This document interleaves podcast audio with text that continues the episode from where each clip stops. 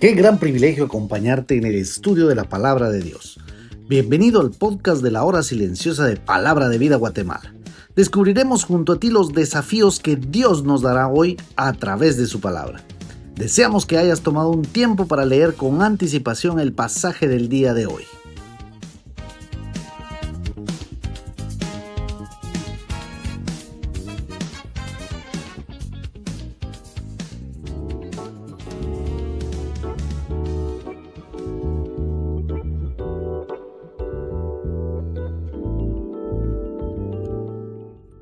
Hola, bienvenido a la hora silenciosa, nuestro tiempo devocional, donde cada día meditamos en un pasaje de las Sagradas Escrituras. Te saluda Daniel de la Rosa, misionero de Palabra de Vida Guatemala.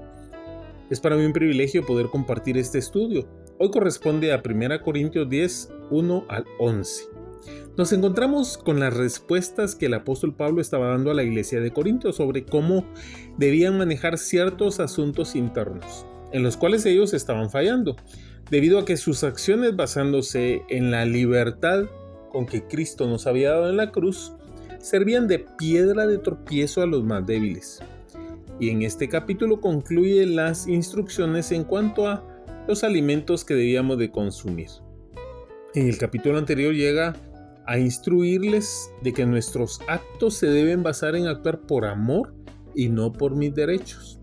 Por eso inicia el verso 1 con esta advertencia. No quiero que ignores. Esta advertencia se basa en la historia de Israel. Ellos pasaron 40 años en el desierto antes de llegar a Canaán.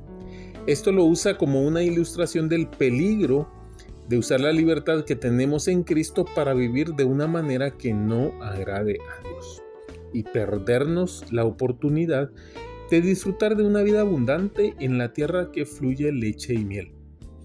Por no saber entender la voluntad de Dios, vivimos en desobediencia, literalmente vagando en un desierto.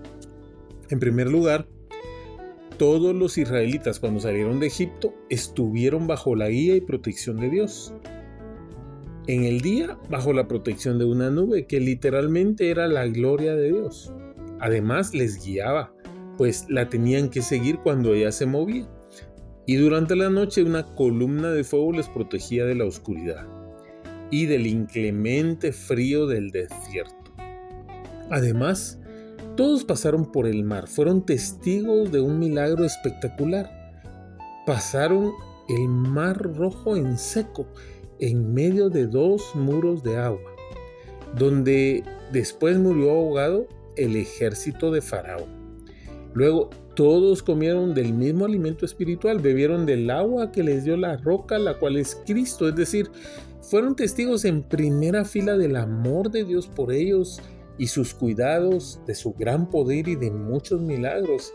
El versículo 5 nos relata la consecuencia de la desobediencia extrema de ellos. Dice la Biblia que Dios no se agradó de ellos. Y el resultado fue que de este grupo, solo dos personas mayores de 20 años llegaron a la tierra prometida. Ellos fueron Josué y Caleb. Los demás perecieron en el desierto.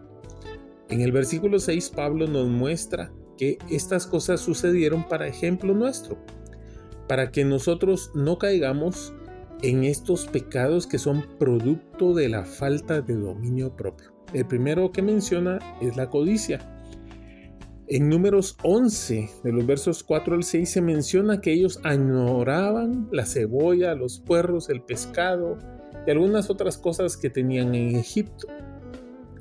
Que no eran en sí cosas malas para codiciar, el pecado estaba en despreciar las cosas que Dios les brindaba por lo que ellos habían dejado. Imagínate, tener la comida a la puerta de tu casa cada mañana pero ellos no recordaban que habían cicatrices en sus espaldas.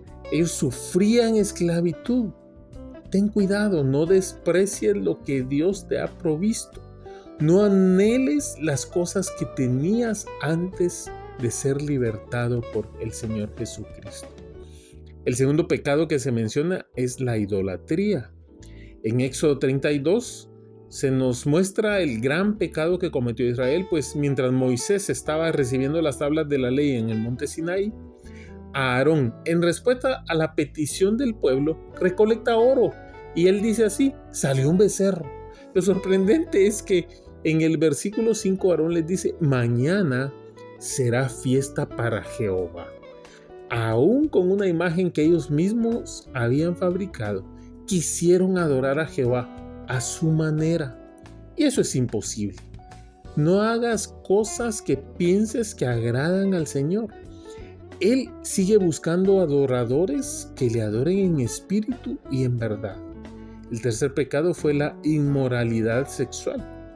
En número 25 se narra el pecado de Balaam, quien como no pudo maldecir al pueblo de Dios, se ideó la forma de hacerlos caer. Y esa forma fue la inmoralidad sexual. De tal fue tal el desenfreno que ese día hubo una gran mortandad. No tomes a la ligera tu pureza sexual. Huye de las pasiones juveniles. Eso solo te traerá destrucción, vergüenza y dolor. El cuarto pecado es tentar a Jehová. Número 21 se narra la historia eh, de la pregunta que hicieron a Moisés los israelitas, porque ¿Por qué los había sacado Dios de Egipto solo para que murieran en el desierto? Y también ellos ya estaban fastidiados de comer el maná, le dijeron. Se atrevieron a acusar a Dios, se atrevieron de dudar de su bondad y despreciar su amor para con ellos. Sabes que su castigo fue una plaga de serpientes venenosas, hubo mortandad, pero se salvaría aquel que viera la serpiente colocada en alto en medio del campamento. El quinto pecado fue la murmuración contra las autoridades que Dios había puesto sobre ellos, Moisés y Aarón. Era lo mismo que murmurar contra Dios. Esta historia está en número 16 y los murmuradores perecieron por el destructor ese mismo día. No murmures en contra de las autoridades, pues ellas son puestas por Dios. Ora por ellas, ese es nuestro deber. Por eso vívelo. Al igual que los israelitas que estuvieron bajo la guía y protección de Dios, los corintios también tenían esos mismos privilegios, habían sido enriquecidos en Cristo en toda palabra y ciencia. No les faltaba ningún don, pero ellos también corrían el peligro de ser descalificados. Al igual que ellos, nosotros tampoco debemos de ignorar que nuestras acciones tienen consecuencias. Sé agradecido con los que con las cosas que Dios te ha dado. Adórate, adórale en espíritu y en verdad. Sabes, procura agradarle a Dios cada día. Que Dios te bendiga.